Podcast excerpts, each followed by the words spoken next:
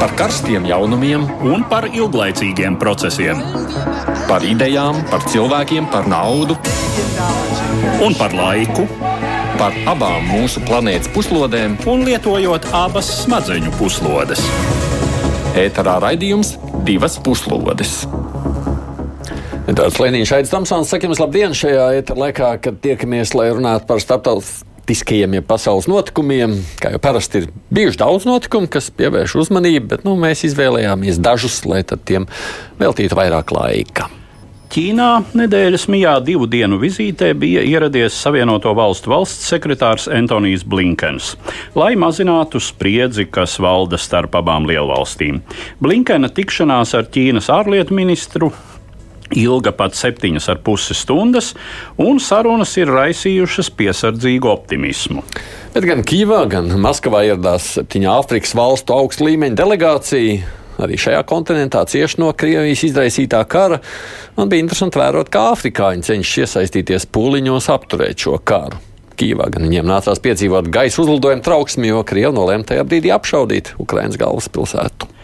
Un, lai arī virkne starptautisko kompāniju sākoties karam apturēja savu biznesu Krievijā, vai arī ir to pārdevušas, daudzas turpina strādāt agresoru valstī, bet tās saskaras ar pieaugušām grūtībām. Skandināvijā vēršas plašumā aicinājumi boikotēt šādu firmu preces, bet Krievija dara visu, lai pamest to kļūtu arvien grūtāk.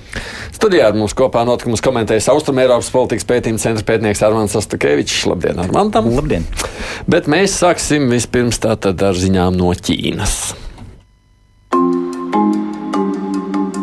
Šīs nedēļas sākumā notika Savienoto Valstu valsts sekretāra Antonija Blinkena oficiālā vizīte Ķīnas Tautas Republikā. Tas ir pirmais šāda līmeņa amerikāņu amatpersonas apmeklējums totalitārijā Āzijas lielvalstī pēdējo piecu gadu laikā. Apmeklējums, kas tika gaidīts ar zināmām cerībām uz līdzinējās attiecību lejupslīdes apturēšanu. Vismaz retorika šai ziņā dod pamatu piesardzīgam optimismam. Uz to vedina pirmkārt tas, ka amerikāņu ārlietu resora vadītāja iepriekš neizsludinātā vizītē pieņēma Ķīnas valsts un kompartijas līderis Xi Jinpings. Viņa tikšanās ar rangā zemāku amerikāņu amatpersonu apliecina Pekinas nopietnu vēlmi uzlabot attiecības. Un, ja šī tikšanās ilga tikai kādas 35 minūtes, tad ar savu ķīniešu kolēģi Ciņu Ganu Valsts sekretārs sarunājās apmēram 7,5 stundas. Tāpat viņš tikās arī ar Ķīnas kompartijas centrāla komitejas ārlietu nodaļas vadītāju Vanu Jī. Kā tika uzsvērtas publiskajās uzstāšanās, sarunās skārts praktiski viss abas puses interesējošo aktualitāšu lokus. Taivānas status un situācija, Krievijas agresija pret Ukrainu, cilvēktiesību stāvoklis Ķīnā, sevišķi Sidžijanā, Tibetā un Hongkongā, arī Ķīnā ražotā sintētiskā opiāta fentanila nelegālais imports Savienotajās valstīs. Kas attiecas uz Taivānu, valsts sekretārs Blinkens vēlreiz apliecināja Vašingtonas nemainīgo nostāju, atzīstot Pekinas valdību par vienīgo Ķīnas suverēno varu. Tomēr brīdināja sarunu partneri atturēties no provokatīviem soļiem pret faktiski neatkarīgo valsti. Savukārt Ķīnas puse apliecināja, ka tā neatbalstīs Krieviju ar letāla bruņojuma piegādēm. Uz to gan amerikāņu viesis aizrādīja, ka šai ziņā trūkst pārliecības par ķīniešu privāto kompāniju godprātību. Daudz novērotāji sevišķi uzsver Sīdzimpina teikto, ka Ķīna, respektējot Savienoto valstu intereses un nemēģinot apstrīdēt to lomu pasaulē vai tās šai ziņā aizstāt. Šāda retorika šķiet solis atpakaļ pēc visa, ko Pekina teikusi un darījusi attiecībās ar Savienotajām valstīm pēdējā apmēram gada laikā. Tiesa, kādas konkrētas nozīmīgas vienošanās Antonija Blinkena vizītes laikā netika sasniegtas. Tā skaitā nenotika cerētā kontaktu atjaunošana starp abu valstu aizsardzības resoriem. Šie kontakti tika pārtraukti februārī, kad tika notriekta Savienotajās valstīs pārlidojusī ķīniešu izspiegošanas zonde. Mūsu studijā pieslēgsies arī RSU Ķīnas studiju centra direktora un Aleksandra Bēziņš-Čerenkova. Labdien! Sveiki, jauka pēcpusdiena, kolēģi. Kā vērtējat šīs vizītes nozīmi un rezultātus? Un... Protams, gaidas bija zemas un mazas, un tāpēc arī rezultāti ir interesanti un noteikti ir lielāki nekā, nekā nulle. Un es domāju, abas puses šeit jau bija signalizējušas pirms vizītes, uh, ka viņu mērķis ir tāda nu, uh, atgriešanās pie balī. Ja? Balī tā tad mums bija novembrī, 20. gada novembrī Uh, tikšanās, kad vēl pirms stāsta ar gaisa balonu, ju, kurš jūsu sižetā ļoti zolīti nosaukts par zondi.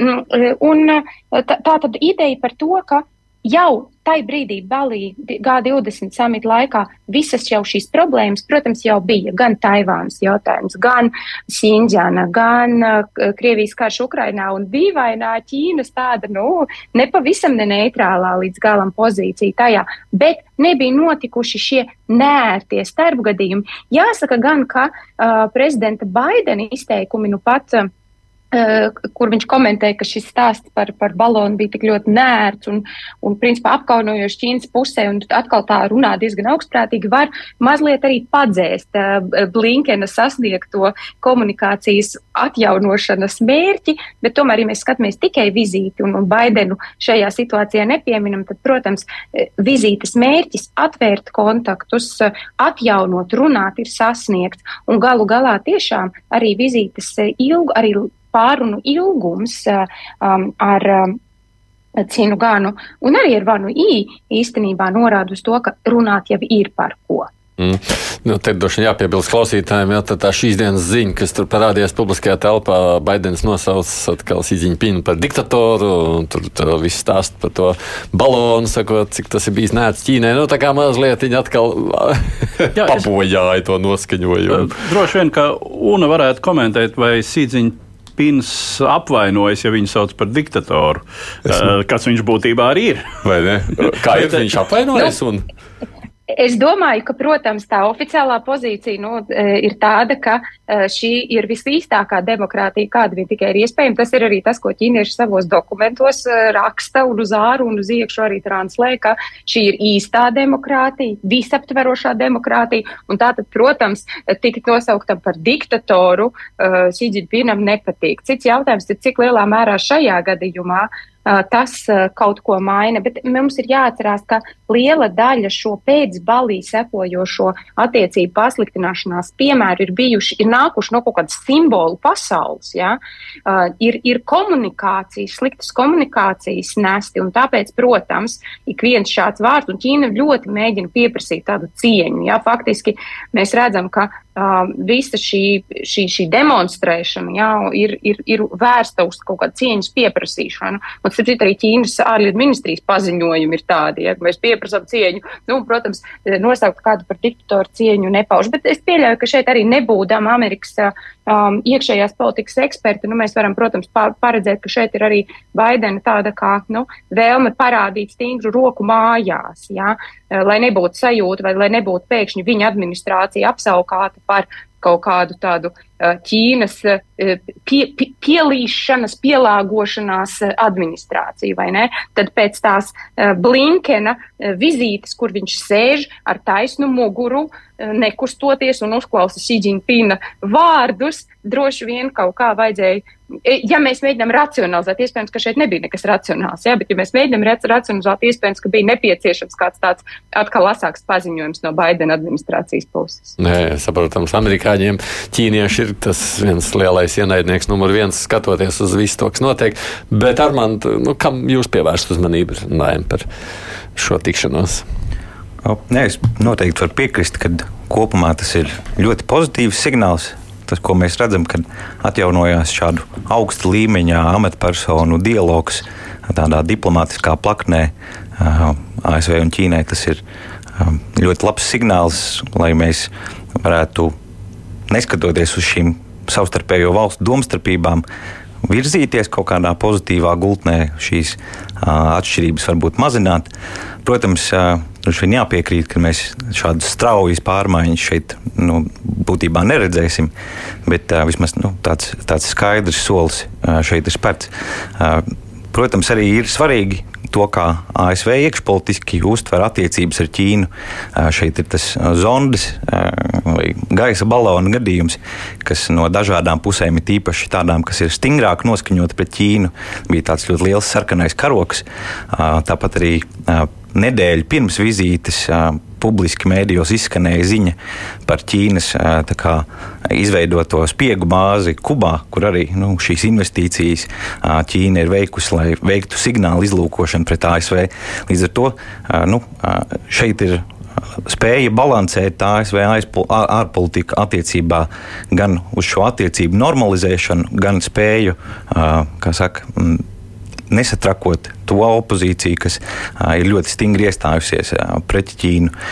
Ja mēs paskatāmies, kā mēs pievērstu uzmanību droši vien jautājumam no Latvijas perspektīvas un mūsu reģionālās drošības, to, ko mēs arī esam redzējuši šos pēdējos gados, šī pēdējā gada laikā, kur nu, Ķīna ir iesaistījusies tādā Krievi, Krievijas režīmas tutēšanā, tad no mūsu perspektīvas šī nu, Ķīnas un ASV attiecību uzlabošanās ir ļoti vēlama.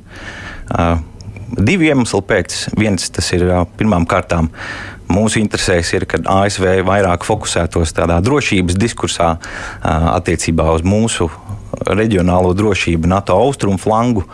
Un otrām kārtām, protams, arī jebkāda veida Ķīnas un Krievijas attiecību satuvināšanās, šī sakabināšanās vēl ciešāk nu, raisa mums eh, tādus tiešus eh, drošības draudus.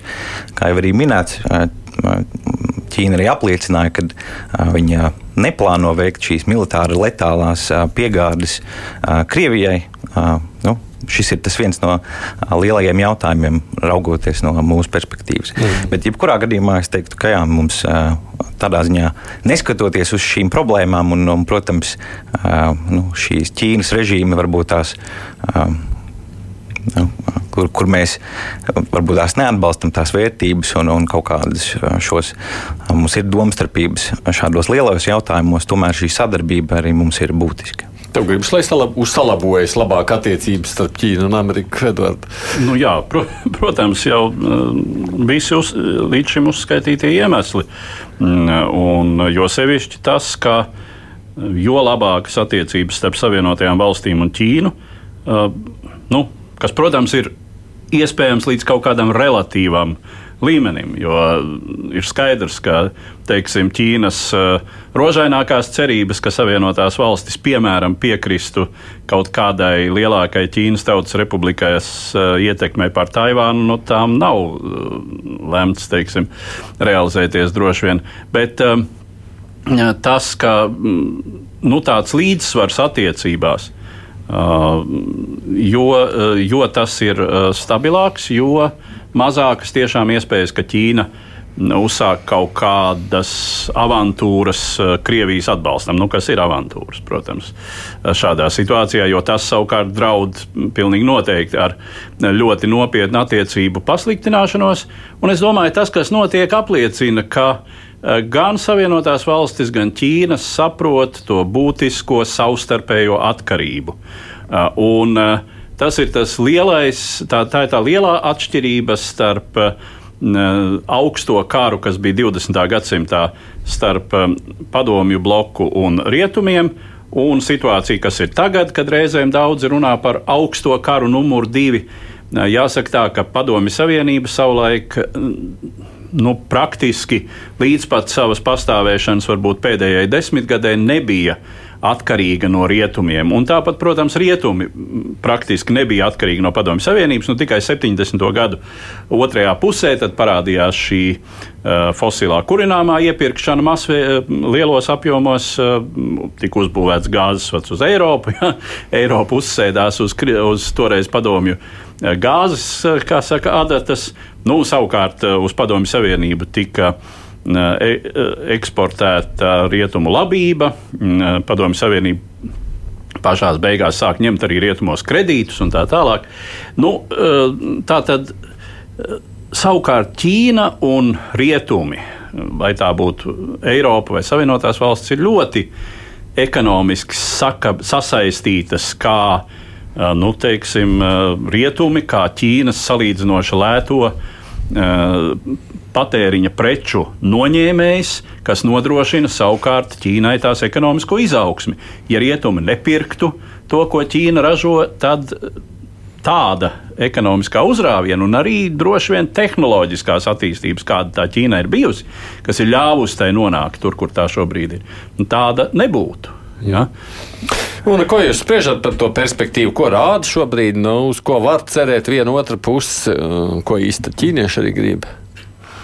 Jā, esot Vašingtonā pirms mēneša, radās ļoti stiprs iespējas, ka amerikāņi paši, kaut arī, protams, ir ārkārtīgi stingri noskaņoti pret Ķīnu, bet viņus uztrauc tieši komunikācijas kanālu slēgšanās. Jā, un tas, kas tika uzsvērts, ir, mēs gan gribam runāt, ķīnieši mums neatbild un, un, un tam līdzīgi. Tāpēc es domāju, ka komunikācijas problēma bija tā, kur viņi izvirzīja, komunikācijas problēma ir tā, kur viņi, viņi mēģina risināt, neskatoties uz visiem šiem ļoti lielajiem, ļoti lielajām pretrunām, kuras patiesībā līdz galam pārvaram protams, jau laikam arī tomēr nav.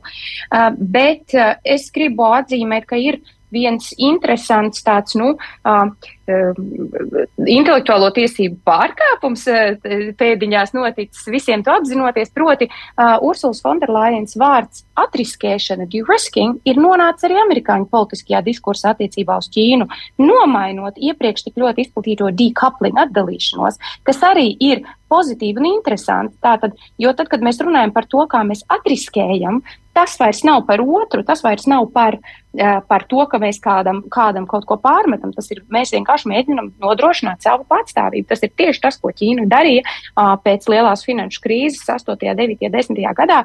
Atriskējās. Ja?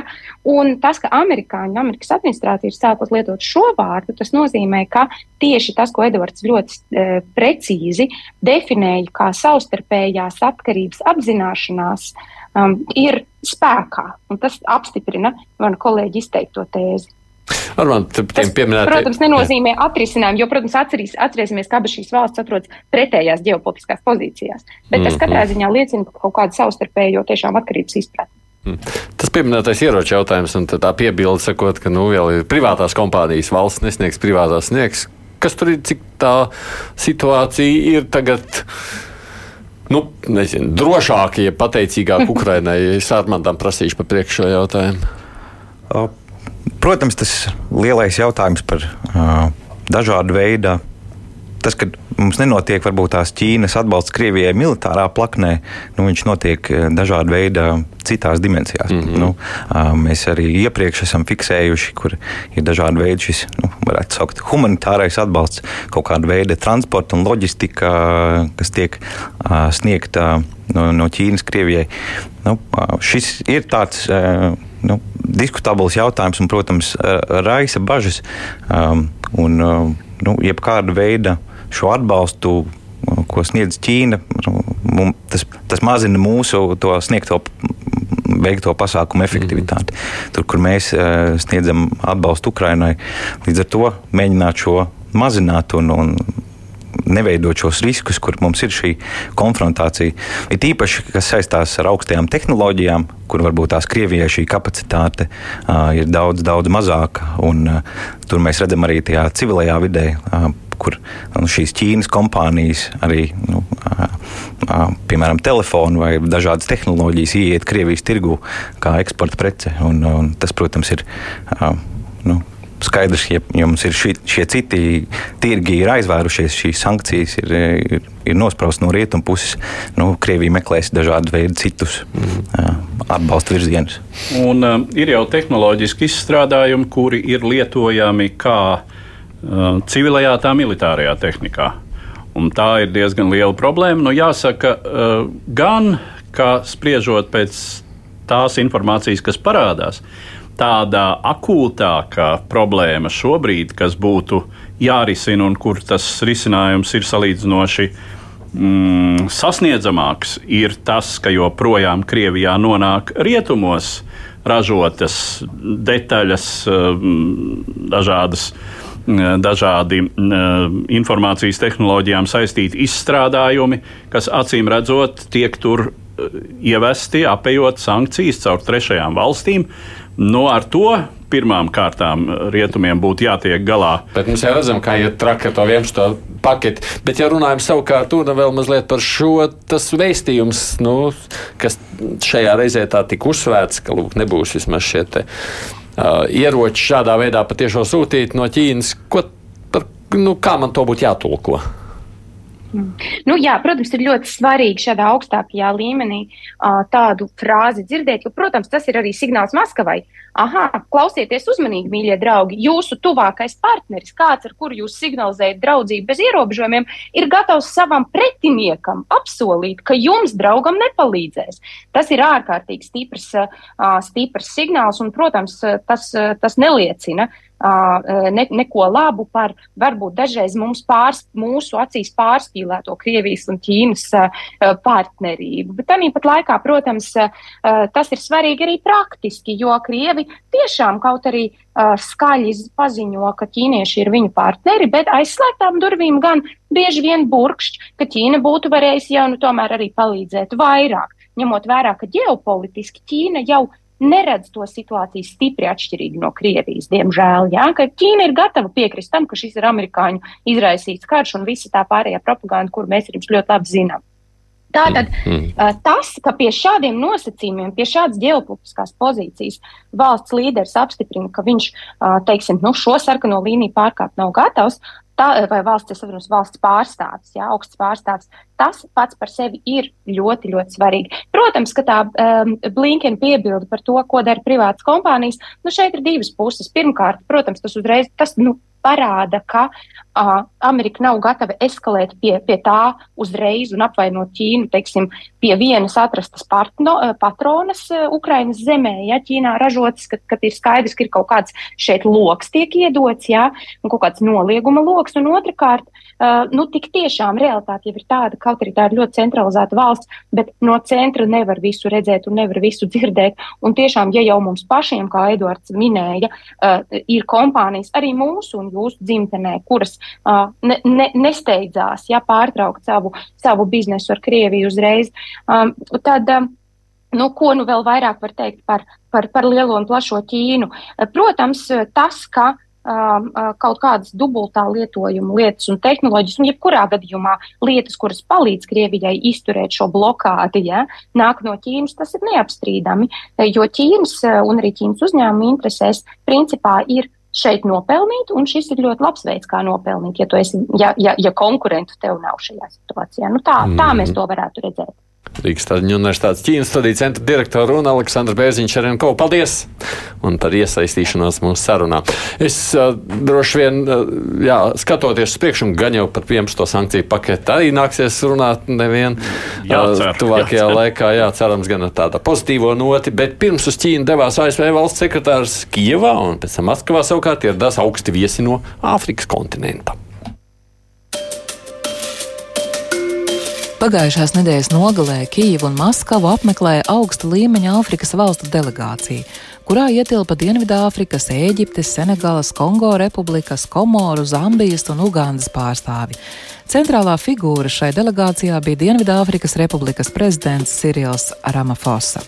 Brauciena deklarētais mērķis bija miera procesa inicēšana, un, kā uzsvēra Dienvidāfrikas līderis, šī ir pirmā reize, kad Āfrikas pārstāvi iesaistās šādā misijā ārpus kontinenta robežām.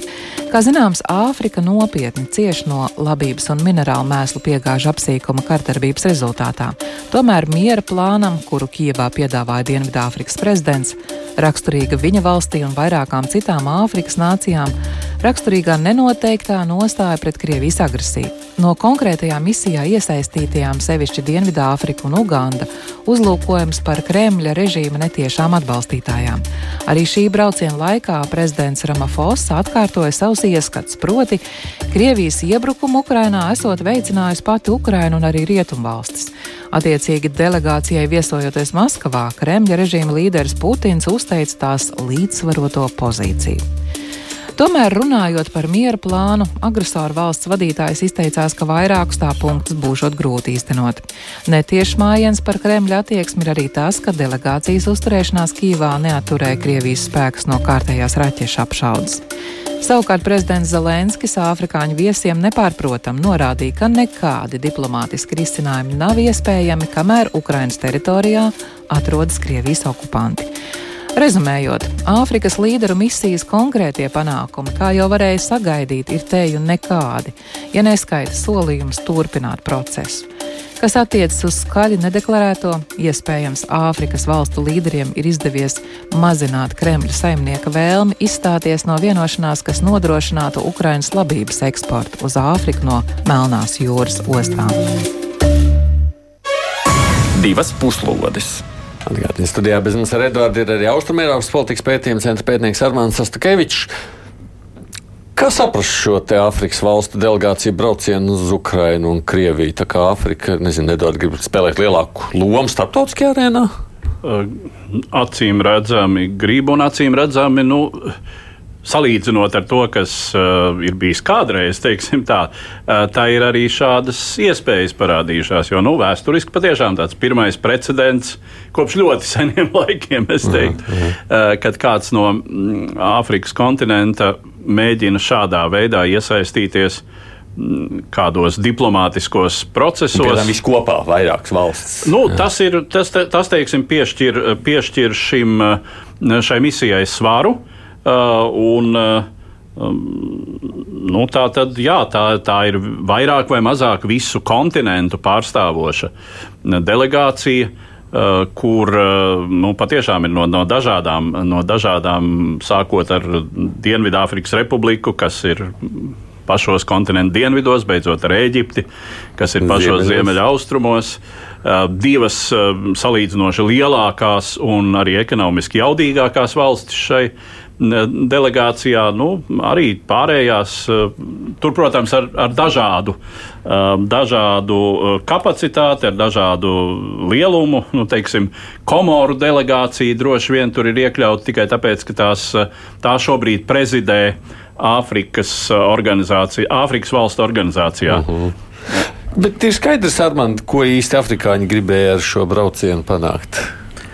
Ja, manuprāt, tas Sižets ļoti labi iezīmēja tās Āfrikas reģiona divus būtiskākos jautājumus un problēmas. Es varbūt tā skeptiskāk skatītos uz šī reģiona lielāku ietekmi tādā starptautiskā arēnā, bet šeit ir nu, tādi ļoti tīri, pragmatiski politiski apsvērumi. Pirmkārt, šis ir šis graudu eksports no Krievijas un Ukrainas, uz ko nu, Āfrikas reģionam viņi. Nu, tiešām cieši attiecībā uz šīm globālajām cenām. Līdz ar to mēģināt kaut kādā veidā iesaistīties šajā dialogā, viņiem ir nu, iekšpolitiski būtiski. Un Turklāt, redzot, ka ik pa brīdim šis uh, Turcijas mediētais noregulējums ir, ir bijis tāds patrausls. Līdz ar to nu, spēt sniegt kaut kādu ieguldījumu, varbūt tās mēģinājumi uh, ir, ir, ir to vērts. Otrām kārtām arī jā, šis jautājums par mēslojumu, kur arī tieši Krievijas federācija un arī Baltkrievija uh, ir būtiski spēlētāji. Un, un šeit ir īpaši rietumvalsts noteiktās sankcijas arī būtiski sit uh, pa Āfrikas reģionu. Mums arī bija šī gada martā martā bija ANO ģenerālsekretāra paziņojums par to, ka iespējams šīs sankcijas vajadzētu pārskatīt attiecībā pret Baltkrieviju, ņemot vērā šo nu, globālo, globālo risku attiecībā uz pārtikas nodrošinājumu. Tas, ka ir valstis, kas Āfrikas reģionā tā salīdzinoši romantiski skatās uz Krievijas virzienā, tas ir saprotams. Krievija jau ilgstoši ļoti aktīvi izvērš tādu nu, šādu ofensīvu attiecībā uz Āfrikas reģionu. Un, un arī tas narratīvs, ko mēs dzirdam attiecībā uz to, ka nu, šis ir uh, Krievijas izvērstais karš Ukrajinā, īstenībā ir nu, tāds. Uh, tā, to cēlonis ir ASV un, un, un, un pat Ukraina. Nu, protams, tas, tas parāda uh, šo viņu uh, neviennozīmīgo pozīciju. Bet, nu, galu galā, skatoties uz to visu, ko viņi pēc tam tur piedāvāja, nu, tas tā tāds mazliet naivi tā sajūta skatījums no malas. Ar, ar teiksim, ierobežotu skatu punktu, un te, tie akcenti ir likti patiešām no uh, šo valstu interešu viedokļa ir šis akcents uz to, ka ir jābūt brīvajiem tirdzniecības ceļiem, tātad viņu sāpe un nu, varbūt teiksim, arī kas uzsvērts, kas ir nu, šīm valstīm, es teiktu, tāda saprotama tēma, ja? gūstekņu un pretējās puses teritorijā arī nonākušo un tur pret savu gribu paturēto civiliedzīvotāju atgriešanās dzimtenē. Nu, kā viens no tāds, tā īpaši uzsvērtiem punktiem, savukārt nu, pilnīgi praktiski nav uzsvērts nekāds, un kas ir arī saprotams, Krievijas atbildības jautājums vai, vai kaut kādas kompensācijas par šo agresiju Ukrainai. Nu, ir jau brīžiem jau izskan viedokļi pat par to, ka šī misija zināmā mērā ir bijusi Kremļa inspirēta. Uh, un ka Kremlis šobrīd, nu, teiksim, tā izmisīgi meklē kaut kādus uh, starptautiskās diplomātijas mehānismus, uh, piesaistot, nu, kā zināms, jā, pie, bez pieminētā Ķīnas plāna, taču arī Brazīlijas prezidents Lula ir nācis klajā ar uh, savu, nu, arī apmēram tikpat uh, realizējamu pēdiņās, uh, tikpat uh, realistisku un iedarbīgu plānu. Tā kā tam visam fonā zināmā mērā vīd arī tas, ka Krievijas, Krievijas pastāvīgi uzturētais diskurss, ka rietumi vairs nav dominējoši, ka kaut kas šeit var notikt arī bez rietumiem. Mm -hmm. uh, nu, kaut gan tas, protams, ir uh, atkal jau realitātei īsti neatbilstoši. Nu, mēs redzam, ka nevar ne Brazīlija, ne Āfrikas valstis un pat ne Ķīna aizstāt uh, teiksim, šīs Ukrainas situācijas risinājumā, jebkādi to nu, teiksim, versiju, kad par to runā Krievija un Rietumvalstis. Mm. Ar Ukraiņas līdzdalību, protams. Bet vai no afrikāņu skatu punkta šeit ir kāds rezultāts šai vizītei? Es domāju, pašlaik mēs to vēl neredzam. Jāsaprot, ka nu, tādiem Āfrikas reģionu un to līderiem ir gara vēsturiskā atmiņa attiecībā arī uz šo skatījumu uz Krieviju. Viņiem, viņu gadījumā, šie rietumu un ASV vēstījumi par Krievijas imperialistiskajām ambīcijām un noteikumos balstīto pasaules kārtību īsti nerezonē. Viens no iemesliem ir nu, šī koloniālā pagātne, bet arī dažāda veida nu, konflikti, kas ir notikuši Āfrikas reģionā. Līdz ar to viņi uh, skatās ar piesardzību pret jebkuras lielvaras uh, kaut kādām uh, nu, šiem uzstādījumiem. Tas, ko uh, mēs no tādu rietumu perspektīvas varam droši vien skatīties. Un, uh, tur jāsaka, ka visticamāk Āfrikas reģionam nebūs izšķiroša loma kaut kāda veida, būt kā kaut kāda veida vidutājam miera sarunās, bet šādos dažādu veidu starptautiskos formātos, tajā skaitā ANO, it īpaši balsojumos ģenerālajā asamblējā, kaut kādā brīdī šis Āfrikas reģions un viņu pozīcija var nospēlēt būtisku lomu tajā, tajā skaitā par šo potenciālo tribunālu, par ko mēs runājam. Nu, tajā brīdī iespējams, kad ir svarīgi arī ar šīm valstīm uzturēt labas attiecības. Mm. Nu, Daži šādi tādi klausītāji komentāri par šo visu. Krievija ar tieši tām pašām metodēm, kā tagad Ukrainā, taču karoja Āfrikas konfliktos, un tur par Kremļa masveida cilvēktiesību pārkāpumiem ir vēl mazāk zināms. Tā mums raksta viens klausītājs Jānis prasa, kāda loma šajā visai daudzajām Lavrova vizītēm Āfrikā vai Prigožina kaujinieku terorismam dār? Nu, ir visnotaļ. Tas viss ir saistīts vienā kompleksā, un mēs jau arī to esam pieminējuši. Mēs esam pieminējuši tā skaitā arī eh, piemēram, Krievijas pareizticīgās baznīcas izvēršanos Āfrikas kontinentā, kas mm tradicionāli ir bijusi pavisam citas, uh, cita patriarchāta teiksim, atbildības un, un pārziņas zona. Tāds fakts, kas arī zināmā mērā iekļaujas šai mozaikā, ir Malī režīma pieprasījums, lai, tā, lai Malī teritoriju atstātu apvienoto nāciju miera uzturētāji, kuri lūk esot zaudējuši šīs valsts varas uzticību. Malī darbojas ekstrēmistiski islāma kaujinieki, kuriem, nu, kurus tā tad mēģina apkarot šis režīms, un līdz šim tur bija uh, līdz nesenam laikam Francijas miera uzturētāju kontingents un arī šis apvienoto nāciju kontingents.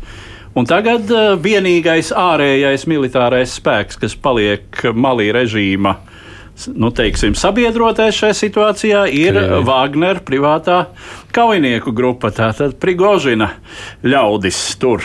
Mm. Kas nav tie paši, kurus viņš sūta šais masu tā sauktajos gaļas uzbrukumos, kas sūtīja līdz nesenam laikam Ukrainā, bet nu, kas ir drusku cita līmeņa profesionāļi. Ja? Jebkurā gadījumā Elīna te vēl piemin savukārt lūk, to uh, iespējamo Putina arestu, ja viņš brauktu uz Dienvidāfrikas Republiku, vai šis arī jā, nav tajā jā, tā arī, ir, tā arī ir iespējama tēma, uh, pie kam Uh, ja, uh, nu, teiksim, tīri teorētiski ir tā, uh, ka ja valstis ir iesaistītas um, kādā sarunu procesā, un ja, teiksim, Dienvidāfrikas Republika iegūtu nu, oficiālu vidutāja statusu kādās sarunās, teorētiski starp Krieviju un Ukrainu, tad šādā situācijā sarunu partnera, valsts vadītāja potenciāli arests um, ir mm, savukārt no starptautisko attiecību viedokļa, no starptautisko tiesību viedokļa nepieļaujama rīcība. Mhm. Uh, līdz ar to, nu, ja teiksim,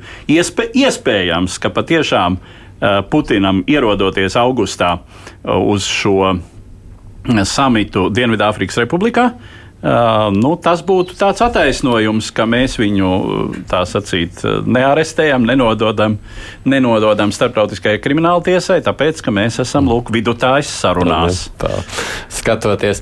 Nu, labi, saprot, ka mums jau vēl te būs interesanti vērot, kā tālāk būs afrikāņu reakcija uz visiem šiem tālākajiem notikumiem, kas risināsies pašā Ukrainas teritorijā. Noteikti, un manuprāt, arī viens interesants aspekts, ko mēs mazāk esam dzirdējuši un apskatījuši apskatījuši tieši arī nesen apstiprinātā jaunā Somijas valdība pēc būtības paziņoja par to, ka tā varētu pārtraukt attīstības sadarbības finansējumu Āfrikas valstīm, kas nu, atbalsta Krievijas izvērsto karu Ukrainā.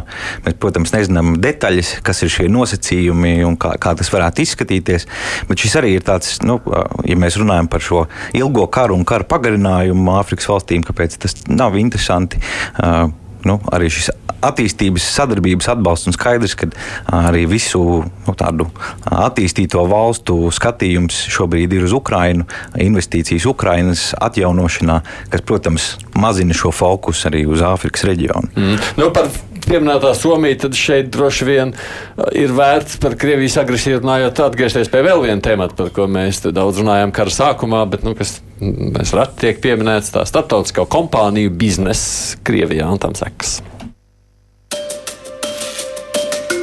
Savienotajās valstīs bāzētā transnacionālā kompānija Mondelīze International ir viens no lielākajiem konditorijas izstrādājumu ražotājiem pasaulē.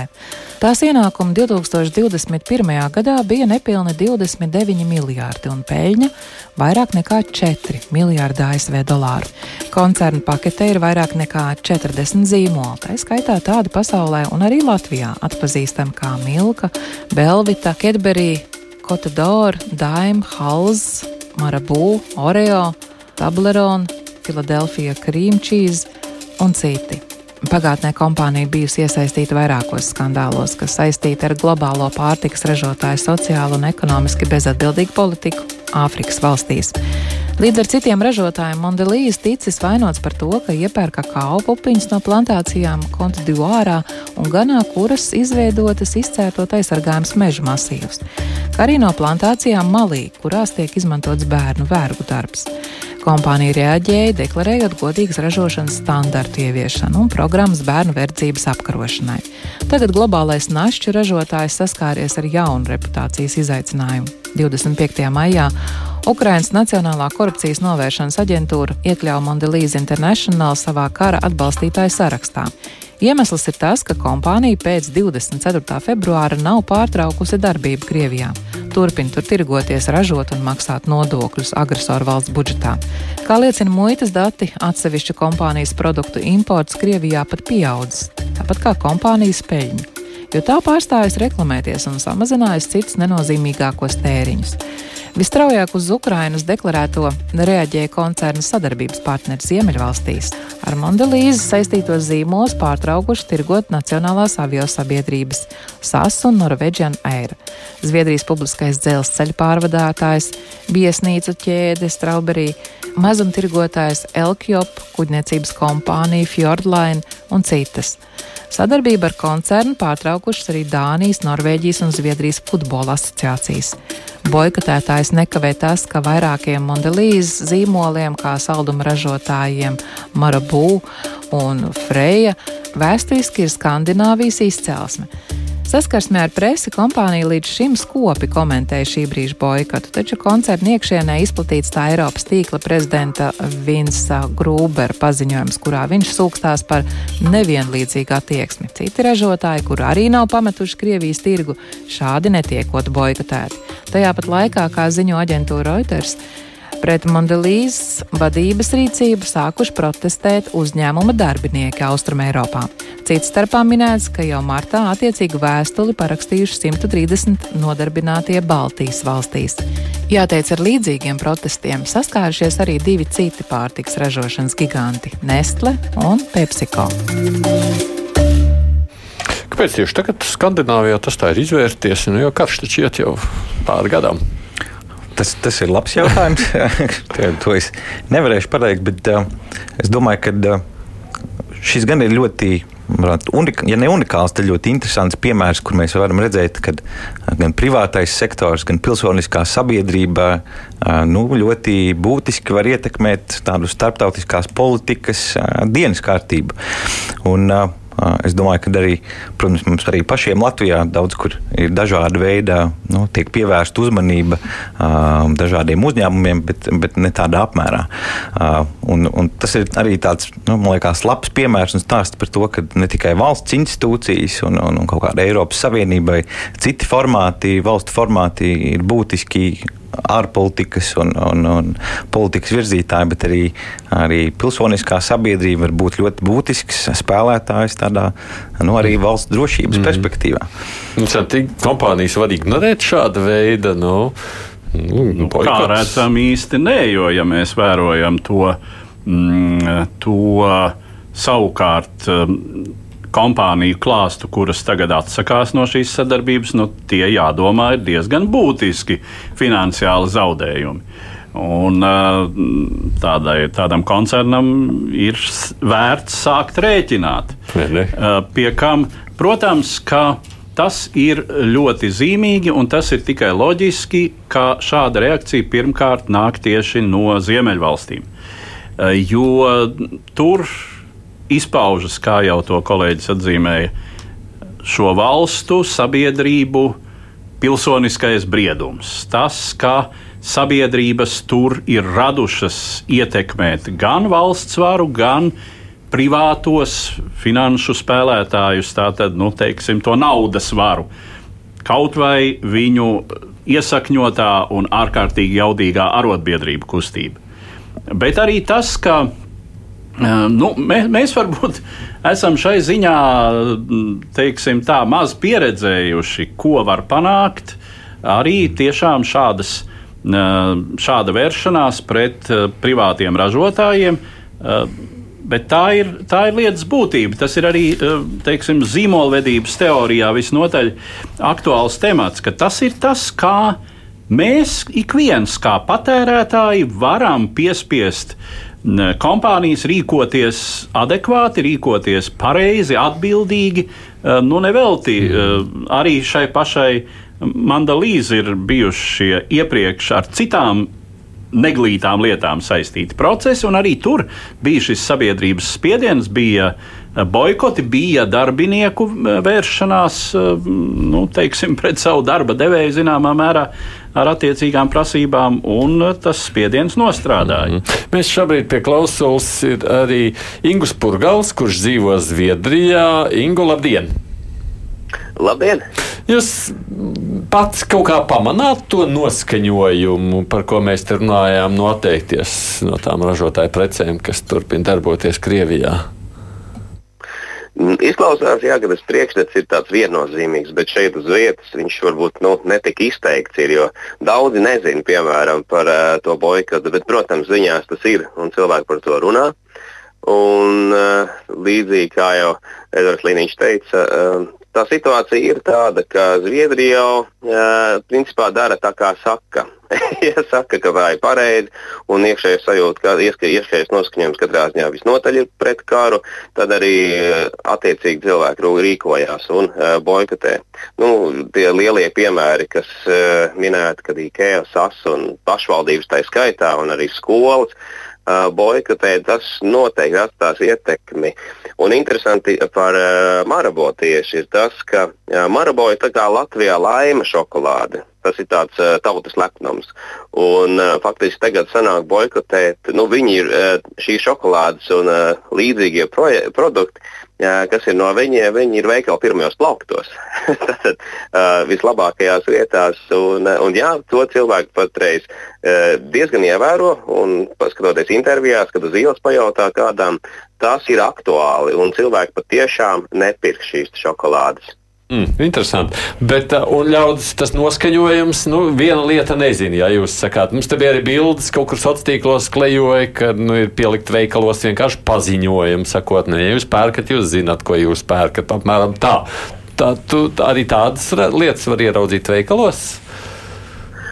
Nu, bija pēdējo reizi iepirkties pirms kādām dienām, divām. Neredzēju. Iztaigāju, iztaigāju daudz veikalos. Tas noteikti būs. Un, uh, es esmu redzējis video klipos, kad uh, ziņās, ka tā, tāda lieta notiek, kad liek, bet ne visur. Un, un Zviedrija uh, diezgan tipiski tas, ka ir daudz pilsētas, mazākas pilsētas, un tas apdzīvojums ir visai izkliedēts. Un, uh, mazajos veikalos un, un, un tādās vietās tas nav īsti izteikti. Jo arī interesants fakts bija tas, ka uh, Kūpa un Ika un Citīgros, Aksfood un Vilnis un vesela kaudze veikali, kas mums ir tādi ikdienas veikali, ka tajos jau nu, principā izņēma ārā tikai to, kur ir norādīts, ka tā ražotāja valsts ir Krievija. Ja, teiksim, ja ir saikne ar Krieviju kaut kādā veidā, nu, te ir vesela kaudze tajā publiskajā diskusijā arī citi brendi, kā Libero, Libres, ir, ir eh, dvieļi, virtuves un tā tālāk. Ja, ja, tas, ja tur ir kāda saistība cita, nu, vai īpašnieks ir uh, Krievija vai šeit ražo un sūta uz Krieviju kaut ko, varbūt citas preces, par to īsti kā, uh, nesatraucās. Faktiski tas izcēltais ir šobrīd tas Marabo. Un uh, īpaši tādas uh, norādes un zīmes pagaidām reālajā dzīvē viņas nav manāmas, bet tie, kas ir dzirdējuši un seko līdz ziņām, tie zina. Jūs paredzat, ka tas varētu kā, nu, attīstīties, nu, nezinu, cik var nojaust zviedru mentalitāti un noskaņojumu? Vis, visnotaļ, jā, bet tas ir atkarīgs no tā, ko un kā reaģēs paši uzņēmumi īpašnieki. Nu, viņi nav ne, neizskatās ārkārtīgi interesēti um, tur, teiksim, piekrist, uh, izmainīt lietas uh, tūlīt patās, tāpatās kā tie papīra ražotāji, kuriem arī pārmet, ka ir trīs fabrikas vēl Krievijā, kad kā solījās. Mums jau daudz sola šeit uzņēmumi un runā faktiski to, ko tauta vēlās dzirdēt pa lielam. Ja viņi savādāk nevarēs, Uh, tad, uh, protams, tas aprēķins viņus piespiedīs, main, piespiedīs uh, mainīt kaut ko, bet pagaidām tā patīk, ka uh, pirka uh, pēc jau uh, Vēlāk, kad jau morāli vajadzētu nepirkt ja, koku materiālus no Krievijas, mums ar degvielu bija tas pats.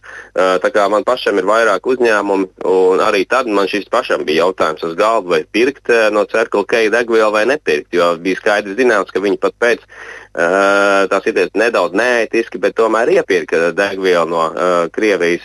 Un tad ir tā, ka šis ekonomiskais izdevīgums uh, nu, diezgan, diezgan būtisks ir. Un, un līdz ar to, uh, ja sabiedrības spiediens būs pietiekami liels, tad uh, uzņēmumi vairs nevarēs teiksim, atrunāties, jo tāda atrunāšanos to īsti tas viedrs necietīs. Un rezultātā tad arī izvēlēsies vai nu nepirkt vai nedarīt. Tā kā situācija ir jā, tāda uz 50, 50. jā, jā, bet, kas attiecās uz tiem, jā, uz tiem izvirzītajiem marabo, tad tur ir uh, viennozīmīga ietekme būs un cilvēki arvien vairāk neizvēlēsies. Uh, Paldies! Paldies, Ingūns Purgals no Zviedrijas. No tādas skatu, kāds izstāsta no iekšpuses, kas no tā viss varētu sanākt, kā izskatās savukārt no Latvijas lūkojoties uz šo visā atmantu. Protams, varbūt tās tāda klusa cerība par to, ka nu, līdzīgas akcijas un, un līdzīgas tendences mēs varētu redzēt arī citās valstīs, citos reģionos iedvesmojoties. Jo skaidrs, ka nu, šādu uzņēmumu darbība Krievijā nu, tas ir reputācijas trieciens, un, un šādi gadījumi ļoti skaļi izskan.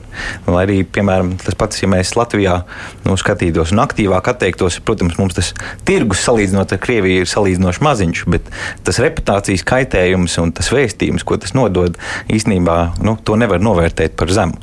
Tas, uh, Protams, tie, tās kompānijas, kas darbojās Krievijā, viņas ir arī nostādītas nu, teiksim, tā ļoti nērtā pozīcijā.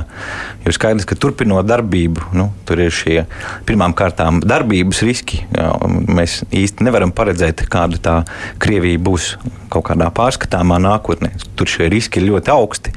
Un, nu, un tur ir šie iespējamie reputācijas zaudējumi, bet arī iziešana no Krievijas tirgu šīm kompānijām ir ļoti sarežģīta. Es varu teikt, arī apgrūtināta ar vien vairāk. Viņi speciāli tiek apgrūtināti, un tās kompānijas, kuras mēs redzējām, kas izgāja no Krievijas tirgus jau pagājušajā gadā, to darīja nu, patiesībā ar ļoti lieliem zaudējumiem. Mēs tādas kompānijas kā Starbucks vai Coca-Cola, kas varbūt tās sākotnēji plānoja palikt, paziņoja par palikšanu Krievijas tirgo, tirgu, pēc tam kā, no šīs pozīcijas atkāpās. Tur nu, šīs kompānijas dabūja pārdot savus aktīvus stipri, stipri zem tirgus cenas. Un, Un, un tas, protams, rada lielus mm. biznesa zaudējumus. Nu, kas ir? Jārēķina vienmēr, kā tu teici, jārēķina tādi visi plusi un mīnus, reputācija un izmaksas. Nu, jā, tieši tā. Nu, situācijā, kad šādas situācijas jau tas vienmēr saistās ar kara darbību un, un šādiem militāriem konfliktiem. Daži ražotāji, starp citu, mēģina uzturēties tādā ētiski pelēkajā zonā, sakot, ka viņi Krievijā turpina tirgot uh, pirmās nepieciešamības preces, nu, teiksim, kā Procter Gamble vai Unilever, kuri, mm. kuri tur tirgojot kaut kādus piena produktus un intīmās higiēnas preces. Uh, un autiņbiksītes, kuras, kā šķiet, Krievijā tiešām nav spējīgi paši uzražot joprojām. Mm. nebija spējīgi Padomju Savienībā ražot un nav spējīgi joprojām uzražot. Nu, tad, nu, tās ir it kā tādas lietas, bez kurām tiešām uh, patērētājs, uh, kuru trūkums patērētājiem sagādātu ciešanas. Bet nu jā, tas vienmēr ir diskutabls jautājums. Bet, lūk, ja runa par tādām šokolādi, tā, jā, nu, kas, ir, kas ir tomēr nu, luksus prece un pat zināmā mērā kaitīga. Tad to varētu arī iztikt. Pavisam īsi vēl gribēju vienu minūti, vēl ir nepilna, ko gribēju vēl piebilst. Jā, nē, tikai varbūt tās papildinot arī par, par šiem uzņēmumiem, ja mēs paskatāmies uz to Krievijas tirgu un mājsaimniecību izdevumiem, mēs varam vismaz pirmos kara mēnešus mēs varējām redzēt, ka tieši šīm pirmās nepieciešamības patēriņa precēm īstenībā viņām ir pat pieaugums bijis. Un, un līdz ar to nu, kaut kāda biznesa loģika tiem uzņēmumiem, kas turpina darboties Krievijā, ir. Ja mēs redzam tādās augstāku tehnoloģiju jomās, šis tur ir kritums, tad vismaz šajās patēriņa precēs līdz ar to nu, tur tas. Nu, kaut kāda biznesa ir. Un Krievija ir parādījusi arī, ka tā, tās ekonomika tomēr ir bijusi ir spējīga būt noturīga. Arī ļoti daudz šīs kompānijas, kas aiziet, uh, Krievija veids tādu importu aizstāšanu, kur mēs, ja pirms tam bija McDonald's, tagad ir viņu vietējais kompānija, kas pēc būtības šo biznesu pārņem. Un, uh, nu, tas ir ļoti interesants. Uh, jā, ekonomika situācija. ir atsevišķs stāsts. Vēl viens. Paldies, Armāns Ostakevičs, Austrumēropas politikas pētījuma centra pētnieks, atnākšanas studija. Nu, bijām arī mēs, Edvards Liniņš, Naidis Tomsons, producēja raidījumu Evi Junāma. Nu, raidījums jau būs atkal ētrā pēc nedēļas, vai ne? Bet es uz kādu laiku pazudīšu. Man priekšā ir gadējais atvaļinājums, kas nozīmē, ka lielākoties raidījumu vadīs tātad Uģis Lībijams, bet tas ir normāli, ka reizēm šis tas pamainās un klausītāji no tā noteikti vien iegūst. Cerams arī, ka vasara nebūs tik dramatiski notikumi piesātināta. Mēs ceram uz labām ziņām no Ukrainas. Tātad tas viss cerams priekšā. Raidījums ētrā kā ierasts pēc nedēļas. Saku visiem uz sadzirdēšanos.